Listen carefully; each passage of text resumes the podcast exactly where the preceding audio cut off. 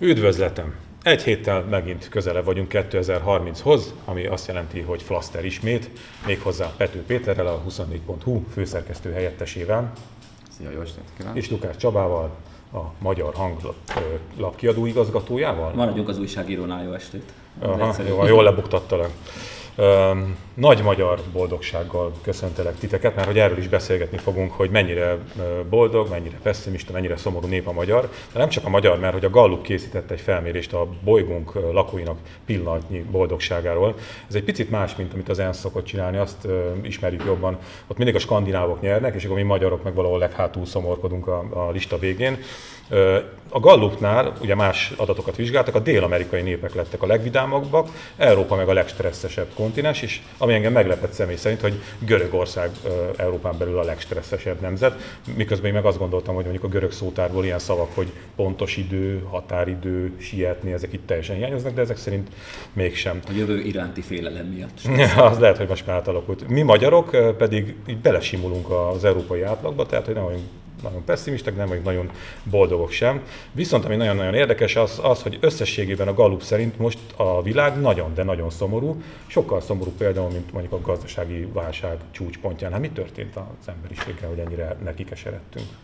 Tehát, hogy kormányinfo lennék, akkor nagyon jó történetet tudnék mondani a görögökhöz, hiszen egyrészt sújtja őket a menekült válság, másrészt ne felejtsük, hogy milyen gazdasági világválság érintette őket a neoliberális gazdaságpolitika miatt, és már is össze tudok rakni egy képet, hogy mi okozza az emberi, emberi rossz kedvet, de azt hiszem, árnyaltabb lehet a helyzet, úgyhogy komoly magyarázatot nem tudok arra tanulni, hogy Paraguay volt az első emlék. Igen, igen, a, igen. Azt megmondom őszintén, nemzetkarakterológiai tudásom az kevés ahhoz, hogy megfejtsem, hogy miből fakadhatnak. Én jártam ott is. Hát akkor jobb esélyed van. Majd mindjárt mesélek, igen. Tehát az, egyébként én is ledöbbentem ezen. Alapvetően a latin-amerikaiakban van egy ilyen, ilyen tényleg ilyen felhőtlen boldogság. Tehát ott, ha, ha meghal az anyja, akkor is lehet, hogy kicsit sír, de másnap már, már kacag. Tehát, de Paraguay hát azért, azért furcsa. Ilyet én láttam Magyarországon is. Hát, igen, de ők, ők ezt azért nagyon jól csinálják. Paraguay azért furcsa, mert ő az egyik a, azon kevés latin-amerikai országok közül, amelyeknek nincsen tengerpartja, ezért aztán nagyon szegény. Tehát Asunción, a fővárosban, jártam többször, az utcák talán 50%-a nincs leaszfaltozva. Ez, ez egy 21. század egy fővárosban. Ennek ellenére egy kicsit ilyen ilyen leszarom a világot hangulatuk van. Ebben segítenek bizonyos tudatmódosító eszközök. Ja, jó, hát akkor megérkeztünk tulajdonképpen. De, de hogy Bolíviában jobban segítenek. És akkor, akkor térjünk át a Hős utcára, ugye? Igen. De ez, ez meglepett. Ugyanakkor megnéztem a kérdéseket, elég fura kérdéseket tettek föl. Tehát ilyeneket kérdeztek, hogy tegnap éreztél-e fájdalmat, tegnap mosolyogtál-e, és mondjuk Latin Amerikában az, hogy tegnap mosolyogtál-e, az egyrészt nem emlékszik, már olyan rég volt, másrészt mindig mosolyognak. Tehát ez teljesen irreveláns kérdés. Tehát ez, ha élsz, akkor mosolyogsz. Uh-huh. Szóval akkor így, így könnyű így akkor a lista élire kerülni. A, ez az ENSZ féle vizsgálat, az viszont minket mindig belök valahova hátulra, tehát ilyen nagyon depressziós, meg nagyon szomorú nép vagyunk. Nem tudom, nekem olyan olyan kettős érzésem van, mert uh, valóban érezhető valamiféle pessimizmus, vagy nem tudom, ilyen negatív hangulat, és ezt én akkor szoktam egyébként nagyon látni, amikor például külföldi vendég van Magyarországon. És akkor elmeséli azt, hogy neki milyen furcsa az, hogy bemegy egy üzletbe, és olyan, mintha mindenkinek fegyvert tartanának a fejéhez ott az eladóknak, miközben mondjuk Amerikába bemegy egy üzletbe, akkor átesik a eladónak az a, másik a véglet azért. Mindig megkérdezik, hogy hogy vagy, de hogyha egy szónál, vagy egy mondatnál bővebben válaszolsz, akkor hülyének néznek. Tehát egy kötelező. Na jó, de a, és, és a, melyik a, izé a magyar how az meg az, hogy izé, hogy vagy, és csak elkezded mondani, hogy most jöttél az orvostól, és nagyon komoly problémák vannak, és a műtét, meg a gyógyszer. Nem tudom, az ilyen módszertani kérdések valóban itt már elhangzott az előző, és milyen kérdések meg meghatározzák ezeket a listákat, úgyhogy ráadásul szerintem, mondjam, globális, nagyon nehéz olyan módszertan kitalálni ilyen mérésekhez, hogy az globálisan működjön. Egyszerűen azért minden kultúrának mások az asszociációi bizonyos fogalmakhoz, és szerintem én, én nehezen látom át, hogy miként működhetne ugyanaz a kérdéssor egyébként egy latinamerikai, egy európai vagy egy ázsiai kultúra esetében, úgyhogy én ezek a módszertani dilemmáim miatt nem nagyon tudom ezeket a, hova tenni ezeket a kutatásokat. De most mondjuk az eszembe jutott, hogy lehet, hogy úgy kellene akkor kett, úgy lehetne igazán jó eredményt elérni ezek szerint, hogyha ezeket a listákat megtennék, és a tudatmódosító használatról szóló listákat egymás mellé tennénk ezek szerint, és akkor és hogy a kettőnek a, ezeket a változókat összevetve jönnek Egyébként ki, most, hogy mondott Csaba, szerintem minket magyarokat ez a mosoly, ez nagyon húzhatott lefele, nem? Tehát a, Igen, a, a, nem, nem vagyunk egy mosolygós nem. Én is ki szoktam próbálni rámosolygok embereket, de már nem. Tehát, hogy, hogy, hogy, nem rettenet, rettenetesen veszélyes, persze, hát abszolút nem értik, hogy mit akarok. De én csak így szeretném ugye épp aktuális jó Azért én a, az, az ENSZ lista védelmében azt mondanám, hogy például az öngyilkossági mutatókban is nagyon elől vagyunk, tehát vannak, tehát vannak mérhető dolgok. Vannak mérhető, persze azért van, hogy azokban nem állunk jól. meg a depresszánsok, hogy mennyi fogy, mennyi öngyilkosság van, mennyi alkoholistánk van. Tehát Na ezt akkor, akkor, akkor nézzünk egy listát, aminek az élén vagyunk, és sajnos az élén vagyunk. Ez is elég friss. Ez a Nemzetközi Egészségügyi Szervezet adta most ki, és 36 ország fiataljainak az italozási szokásait hasonlították össze. Négy évig kutatták a fiatalokat, és a felmérés alapját az adja, hogy a 15 éves fiúknak és a lányoknak hány százaléka volt már legalább kétszer részeg. Tehát 15 éves fiatalok, hány százalékuk volt legalább kétszer. Ki magát, igen. Így van. Na és büszkén jelenthetem, hogy a magyar fiúk mindenkire rávertek egy kört, nagyon jó srácok, és a magyar lányoknak még van hova fejlődni, de azért az, ez, a bronzérem ott is megvan. Dániát és Velszet kell lenyomnunk és nyerünk. Az nem túl jó, nem túl jó adatsor. Igen, egy diszkrémét elmondanék, hogy még azelőtt hívtatok meg, hogy a témákat tudtuk volna, tehát nem szakértőként vagyok itt, amikor a ja. italozási Téged a mosor miatt jó, jó, boldogságindex. Nem, egyébként a, ez tényleg elég szép lista volt, hogy mert a lányok is nagyon jól szerepeltek ezen, ugye ők meg a harmadikok voltak. Abszolút, ami, ja, igen, az előbb a, igen, az, a harmadikok voltak. De itt is van egy tökéletes módszertani dilemma szerintem, mert ugye jelentheti ez azt, hogy csak, csak egyrészt, egyrészt önbevallás, tehát hogy milyen a kult, milyen a, a presztízse a berúgásnak egy adott országban, az nagy részt meghatározhatja egy ilyen esetnek. Tehát 15 éves magyar fiúnak lehet, hogy tök ciki azt mondani, hogy még nem ütötte ki magát kétszer. Ez még, még anonim módon is. Anonim módon is, igen. Másrészt pedig, hogy a, a másik része azt szerintem, hogy az, hogy kétszer kiüti magát, akkor lehet, hogy rosszabb vagy jobb eredményt is elérhettünk volna, mert nem tudjuk, hogy egyébként a rendszeres alkoholfogyasztása milyen ebből a vizsgálatból. Tehát lehet, hogy ők csak egyszer ütötték ki magukat. A, de, de a, tizen, románok, a 15, éves, 15 éves azért, a 15 éves kétszer kiüti magát, az nem rossz. Még így visszagondolok, de jó, én néptáncos voltam, az más kultúrca. Egyébként végigolvastam ezt a jelentést, ez egy ilyen száz valamennyi oldalas jelentésből a fiatalokra vonatkozó rész, amit itt kiemeltek, de volt két szám, ami megdöbbentett. Évente 3 millió ember hal meg globálisan az alkoholizmus miatt, ami azért elég jelentős tétel, és az alkoholfogyasztási szokások vizsgálatánál kiderült, hogy az elfogyasztott alkohol negyede, ami brutálisan magas, semmilyen nyoma nincs a hivatalos statisztikákban. Tehát nem csak mi vagyunk egy pálinka főző, meg zug alkohol, alkoholista ország, hanem gyakorlatilag ez mindenhol népes. Mert Brüsszel, mert Brüsszel rákényszerít. Minden, minden negyedik üveg alkohol az valami illegális csatornán kerül a fogyasztó. Biztos jó cuccok lehetnek. Ha, igen. De az elgondolkodható, amit mondasz, hogy, hogy a kultúrát is figyelni, vagy vizsgálni kéne olyan szempontból, hogy mennyire mennyire cool, mennyire menő. Mondjuk azt, hogy te már kiütötted magad kétszer. Szerintem ez minden kultúrában azért a, a kamasz azt szereti megmutatni, hogy már elég nagy ahhoz, hogy berúgjon. Ez kétségtelen. Ki, kivétel a muzulmán kultúrák, ugye, de azokat nem is vizsgáltak. Igen, hát igen, az egy, az egy boldog is alkoholtalan nemzet, vagy a kultúra. Menjünk nagyon-nagyon messzire, de azért úgy, hogy egy kicsit maradjunk itthon is. Nem tudom, láttátok ezt a videót a kínai új nem is tudom, hogy nevezni. Hát nevezzük egyszerűen nagy testvérrendszernek, aztán majd, majd kifejtjük bőven, hogy miről van szó. A, aki nem látta esetleg ezt a videót, olyasmit kell elképzelni, hogy a összes közterületen, de tényleg a az összes közterületen, tehát mindenhol, ami nem valakinek az otthona, nagyon komoly, 360 fokban működő, nagyon komoly felbontásra képes kamerák működnek 0-24-ben, ezek rá vannak kötve egy rendszerre, egy arcfelismerő rendszerre, és ettől kezdve, hogyha az ember kilép az otthonából, addig, amíg haza nem megy, minden egyes pillanatát dokumentálja az a rendszer. Na most ez így is már elég ijesztőnek hangzik, de hogy Kínába kitaláltak egy hát nem tudom, egy olyan új szisztémát, ez, ahol mindenki társadalmi pontszámot kap. És erről készítettek egy videót, amit most meg lehetett nézni a, a interneten több helyen is. Azt látjuk, hogy ha az ember jól viselkedik állampolgárként, akkor pluszpontokat kap, ha rosszul viselkedik, akkor meg mínuszpontokat kap. És az, hogy neki mennyi a társadalmi pontszáma, az befolyásolja azt, hogy hogy jut előre a társadalmon belül. Na most, hogy ez valamennyire érthetőbb legyen. Ha én például pénteken délután bemegyek a boltba és veszek négy üveg sört, akkor lepattintanak rólam 100 pontot. De hogyha mondjuk csupa egészséges kaját veszek, akkor meg kapok 200 pontot. Tehát ilyen apróságokban is benne van. Hát nem beszél arról, hogy mondjuk ha valaki... Tüntetésre jársz, vagy... Ja, igen, pont ha valaki ilyen műsort vezet, az mondjuk minimum mínuszból indul. Tehát egy. Szóval ez, hát nem tudom. Én a Matrixra gondoltam, hogy tulajdonképpen az jobb volt, mert ott legalább kaptak egy jó illúziót.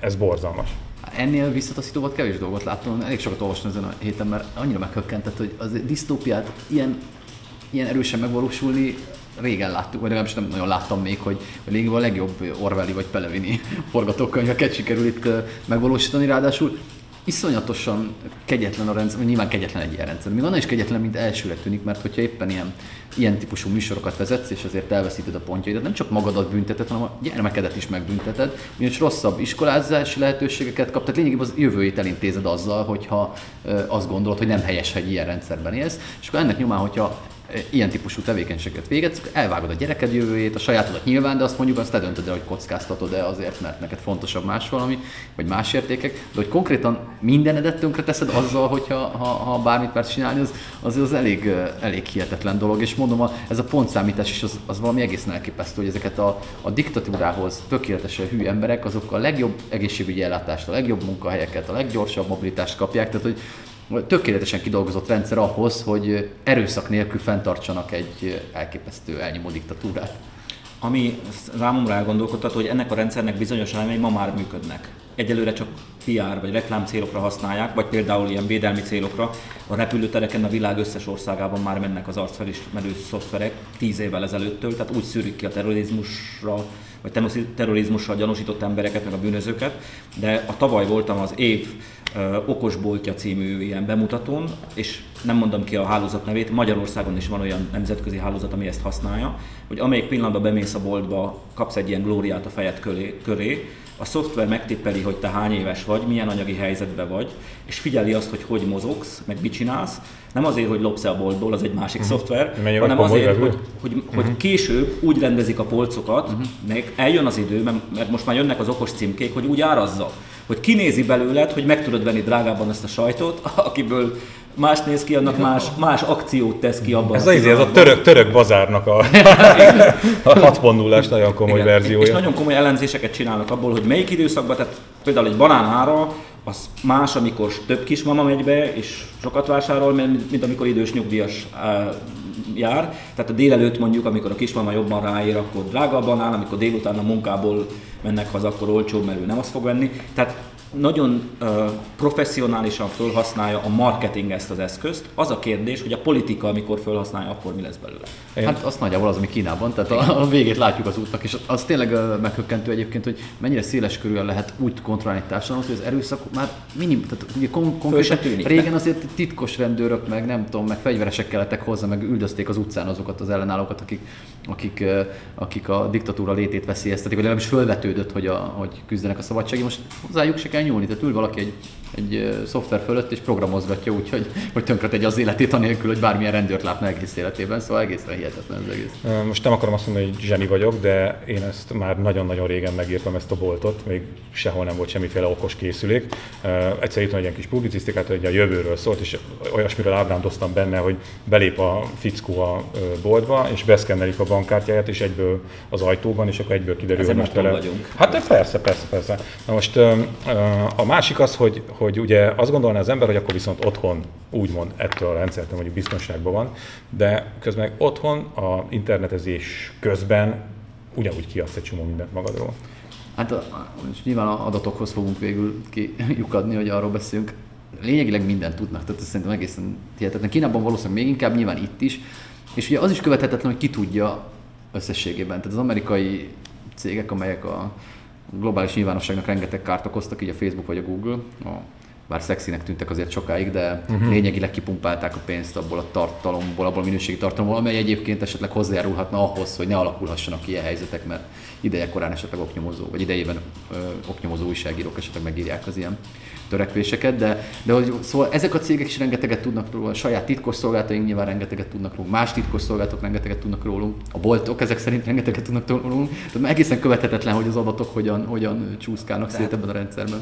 Nagyon sok embernek van a hálószobájában televízió. Néhány évvel ezelőtt nem mondom ki a márkát, az egyik nagyon nagy, tehát a világ talán legnagyobb televíziógyártónak az okos tévéről derült ki, hogy lehallgatnak. Egyelőre arra használják, állítják ők, hogy a hangutasításos televízió Igen. kifejlesztéséhez, de az engem nem nyugtat meg, hogy gyakorlatilag a televízióm rögzíti az otthoni mondjuk hálószobába vagy nappaliba folytatott beszélgetéseket, és aztán valaki valamit kezd ezekkel a beszélgetésekkel. És mi van, hogyha ez nem csak marketing Persze, persze. Hát én úgy, úgy régen arra gondoltam, hogy, hogy ha ilyen dolgok kiszivárognak, akkor mégiscsak ott van az, hogy, hogy hát a média akkor esetleg nem nyúl hozzá, mert azért Magyarországon emlékezzünk vissza, hogy egy darabig azért tabu volt az, hogy, hogy ilyesmi információkkal meg adatokkal dolgozni, ám most már nem. Most már ugye a, a ripost például igen használja. Bármikor, bármi, vagy az Origo, bármikor, arra, bármi. Talán két éve volt, hogy a Facebook vezetőt ö, lefényképezték, hogy ő is leragasztja egy ilyen celluxal Igen. a laptopjának kamerát. Tehát ő is tudja, hogy mire lehet ezt használni, és akkor érzi magát biztonságban, ha fizikailag leragasztja a kameráját a a laptopja. Bár valószínűleg a technika fejlődésben hiába, a technológia fejlődésben hiába ragaszgatja egy idő után. A Cellux biztos. a Cellux, a nem lesz olyan biztos védelem. A Na oké, de akkor mit lehet, mit lehet tenni? Tehát én mondjuk úgy vagyok ezzel, hogy, hogy én beraktam az egészet egy batyúba, és akkor azt mondtam, hogy oké, okay, nagyjából mindent tudnak rólam, ez van. Ez fejben dől el, van akit ez zavar, és ez paranoiás lesz. Én is azt gondolom, hogy valahogy túl kell magadat tenni rajta. Egyszerűen nem ér annyit, hogy, hogy az életedet tönkre tegye, hogy, hogy attól rettek, hogy akkor most tudják nagy, nagy megtiszteltetés, hogyha nagyon sokan kíváncsiak arra, hogy én mit csinálok. Hát sztár lett. Ezért lettél újságíró, ugye? Hát igen, szerintem mikroszinten valószínűleg így van, az ember az elfogadja, hogy él egy környezetben, és akkor valóban így lehet túlélni valószínűleg, hogy lemond arról a arról a gondolkodásról, hogy éppen mit művelhetnek az adataival. Makroszinten azért nyilván veszélyesebb ezeknek az adatoknak a kezelése, mert szerintem azért a kínai út a vége a történetnek. Tehát, hogy Nyilvánvalóan ezeket az adatokat nem véletlenül gyűjtik, nem véletlenül tárolják, nem véletlenül elemzik, és nem véletlenül fogják használni sem ezekben az esetekben. Tehát valószínűleg, ha olyan típusú politikai rendszerek, mint amilyen mondjuk a magyar is egyre inkább, azok valószínűleg ezeket az adatokat tökéletesen tudják használni, és arról nem szól, hogy azok a, az a Facebook vagy az a Google, amelyek a szabadság bajnokaiként kerültek be a köztudatba, tökéletesen alkalmasak arra, hogy ezeknek az adatoknak a felhasználásával eljutassák célzottan a leg fékebb áll üzeneteket a választópolgárok. Ja, hogy most még akkor nem is tartunk ott, hogy uh, szociális pontszám gyűjtő ja, nem, rendszer, hanem még csak egyszerűen megtalálni a megfelelő hogy, hogy azt mondjuk, hogy előállítanak egy olyan üzenetet, ami nyilván tudjuk, hogy nem igaz, az álhírrel, és a Facebooknak, Google-ből, meg tőlünk gyűjtött adatokkal el tudják vinni úgy a közvetlenül az emberekhez, hogy semmiféle szűrőn nem esnek át, és úgy tudják megbombázni célzottan akár településkor, jövedelem szerint ezekkel az üzenetekkel, hogy semmi esély nincs arra, hogy közben beavatkozzon bárki, aki valamilyen ellenőrzést végezhet ezeken a tartalmakon. Úgyhogy szerintem már most vagyunk egy olyan szinten, amikor, amikor hát, hogy mondjam, az, az igazságtól való távolodás nagyban elősegíti, vagy valóságtól való távolodás nagyban elősegítik ezek a adatgyűjtések. Hát pont azt akartam mondani, hogy már most se tudunk eljutni hát, a többséghez. Tehát, hogy, hogy már most is ki vagy szorítva egyféle ilyen búra alól, és te oda egy, semmilyen szinten nem tudsz bejutni, igazából nem is létezel. Hát, ha keresnek, mint média. de ha nem keresnek, soha nem De miért keresnének? Mert engem mindig, mindig azzal szoktak bántani, amikor leírom az én kis elméletemet arról, hogy, hogy a kormánymédiának az az ereje, az a nagyobb ereje, hogy nem juttat el információkat ö, nagy tömegekhez, hogy elzárja tőlük az információt. Ilyenkor szokott jönni, az biztos most is meg fogom kapni, hogy he, he, az interneten mindenki számára minden elérhető. Oké, csak nem lehet elvárni az emberektől azt, hogy mondjuk 8-10 óra meló után, meg miután a gyerekeket elrendezgették, meg úgy egyébként is Minden este leüljön, és akkor 6-8 forrásból mindent megnézze, oké, de ő mit írt róla, akkor azon el megnézem a harmadikat. Egyébként a külföldön hogy találták, tehát ez képtelenség, ilyen nincs. Persze, és valóban ez egy nagyon fontos pillér szerintem is, tehát hogy kiderül egy Éliosz ügy, és ez nem jelentkezik a magyar nyilvánosság nagyobb részét el, elfedő kormány által közvetlenül, közvetlenül finanszírozott médiumokban, akkor, akkor gondoljunk el, mekkora, milyen kis buborékban kezd el terjedni egyáltalán, és még azon belül ugye nyilván van többféle értelmezése, de ugye egy nagyobb helyre valóban be se tör, nem, nem, nem értesülnek róla, tehát nem létezik. Ha pedig létezik is, ugye akkor jön a következő feladata ezeknek a, a fékgyáraknak, ami a, a, a káosz teremtés, tehát amikor ezzel párhuzamos történeteket kezdenek el gyártani. Ugye most látjuk egyébként nagyon érdekes ez a hét ebből a szempontból, hogyha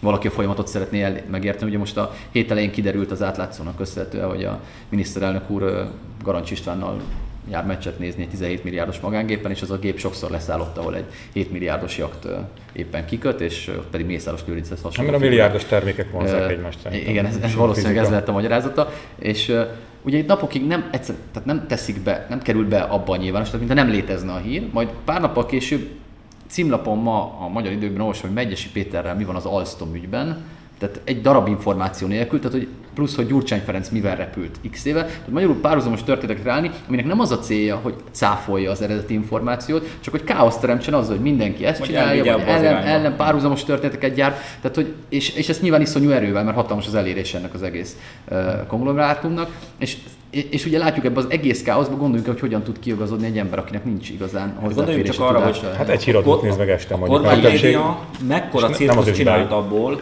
hogy a hatházi egy ilyen négyszemélyes Cessnával óránként nem tudom 8000 forintért repdesett, hogy ez egy luxus hobbi a 17 milliárdos repülővel menni, az, az akkor mi? Hogy? De ez a gép akkor is elindult volna, hogyha nincs a miniszterelnök úr ott, a hatházi gép csak hatházival indul el. Egyébként tényleg katasztrófa az, ami, ami történik újságírói szemben. Nem akarom magunkat sajnáltatni, de néha már így gondolkodom rajta, hogy tulajdonképpen mi is a mi feladatunk, vagy mit lehet tenni ebben a történetben. De mit lehet tenni? Tehát akkor mit csinálsz? Látod azt, hogy, hogy ez a fékgyár tetszik, a moldovás egyébként. Azt lehet tenni, hogy az ember megvásárolja a magyar hangot, és ebben elolvassa, elolvassa, vagy olvassa a 24 hút, mert ott azt még nem vették meg. És nézi az én videoblogomat. Tehát. Mind az indexet. Nem, tehát egész egyszerűen azért kezeljük felnőttként az olvasót, nyilván nem mindenkit lehet, de kezeljük felnőttként, és bízzunk abban, hogy ha tényleg érdekli az igazság, akkor valahogy megpróbálja el megkeresni. Hát most igen, csak hál' Istennek van egy társadalom, vannak bizonyos értékei, hát bízunk benne, hogy azért kíváncsiak az emberek másra is, nem csak az m És hogyha megnézzük azért a nézettségi számokat, azért elismerem, hogy nagyon sok csatornán öntik, és ezért hatékony. De az m azért nézettség szempontjából nem lehet összevetni. Igen, a... de az M1-nek viszont a nézői, akik általában vidéki idősebb emberek, ők viszont úgy állnak hozzá, hogy a tévé nem hazudik. De tényleg, tehát most ez nem, nem egyszerűen ez, ezt hozták magukkal, ez a médiafogyasztási attitűdjük. És az, ezért nagyon hatásos, és rajtuk keresztül a családjukra is adott esetben, de mindegy, ugye a lényeg az úgy együtt ilyen egységes, viszont azt kérdezném tőletek, ez most ugrott be, hogy ugye a kormány média olyan irányban is támadja ezt a történetet, hogy csúnya, gonosz drónokkal felfegyverkezett sorosisták megfigyelik a rendes nemzeti kapitalistákat nyugodt békés nyaralásuk közepette. Egyébként nem aggályos tényleg egy picit az, hogy ilyen drónok repkednek és felvételeket készítenek. Közterületen készültek a felvételek. Jó, csak kérdezem, mert most itt tényleg beugrott, hogy, Igen, hogy... Csak még egy mondatban visszacsatok, egyébként azért a média súlyát biztos fontos, de ne becsüljük túl, a politika azért erősebb mindig. Tehát a, a, a, nyilván van, van szerep a nyilvánosság működésének abban, amit a Fidesz kialakít, de azért a, a, mindig a politikai szektor lesz az erősebb, tehát szerintem annak az interpretálás az nyilván fontos és befolyásolja a választókat, de a politikai maga azt szerintem egy erősebb szereplő ebben a történetben, de ez csak zárójelbe zárva. A másik kérdésre először is a, nagyon szórakoztató, hogy ezzel vannak elfoglalva, ugye azt számomra megejtő volt, hogy nem ismerik a kortárs újságírás módszertanát, vagy módszereit. Tehát, hogy majd a drón problematikára külön kitérhetünk, de én azt hiszem, hogy már a közérdekű adatigénylésre ismerik. Tehát, hogy nem tudják, hogy hogy lehet információkhoz hozzájutni, mint hogy 8 éve nem próbálták. Ennek például nem ismerik a Flight Radar nevű alkalmazást, amivel mindenki nézheti, hogyha megvan az a Lajstrom jel, amivel egy adott repülő repül, akkor lehet követni az út, utat. Tehát ezeket, hogy, ingyen vannak hogy ezek egyet, egyetemi szakkolikba játszanak ezzel, hogy követgetik a kedvenc gépüket. Tehát, és ezt most felsorolhatnánk még egyébként, hogy hány fajta szoftver vagy,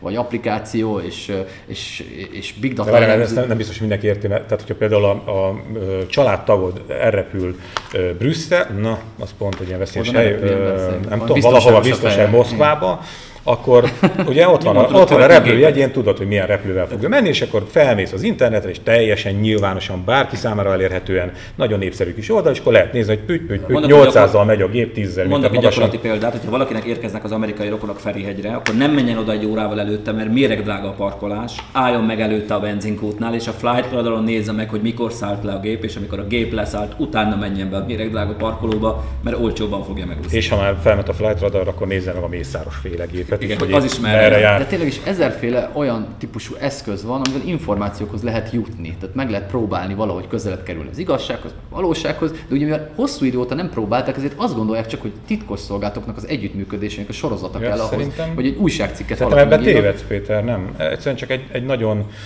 súlyosan gonosz történetet akartak előállítani, és minden ilyen nyilvánvalóan és egyszerűen megszerezhető Mint nyilvános jó indulatú verzió a tiéd agya. Hát én a, én a boldogságindexemből ja, indulok most és ugye abban az volt, nem vagyunk ilyen Meg hát a másik, hogy a, egy, egy nyílt kamera, tehát egy mindenki által nézhető kamera alapján, mert a, olyan szerencséje volt az átlátszós kollégának, hogy mindig oda parkolt a, a hajó, mert ez egy kis kikötő, a rékai kikötő, vagy az a luxus jakt része egy kis rész, és akkor látta, hogyha mozgás van.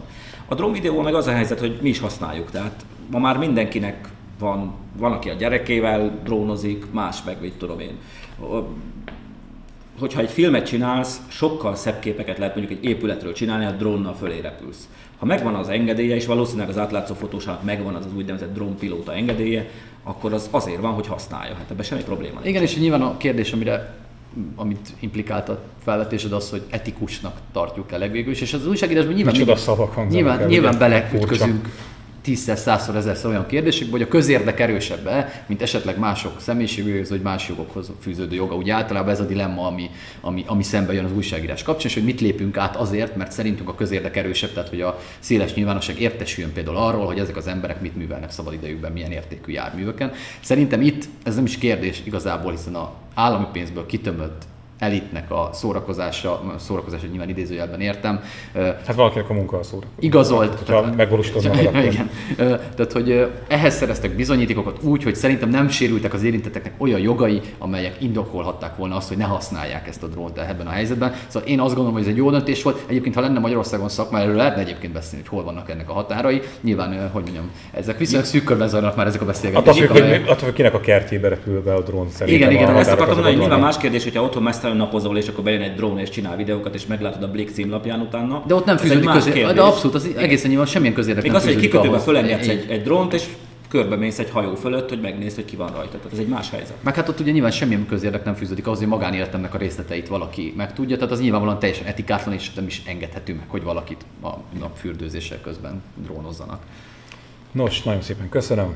Ez volt a Flaster, jövő héten is lesz Flaster. Viszontlátásra.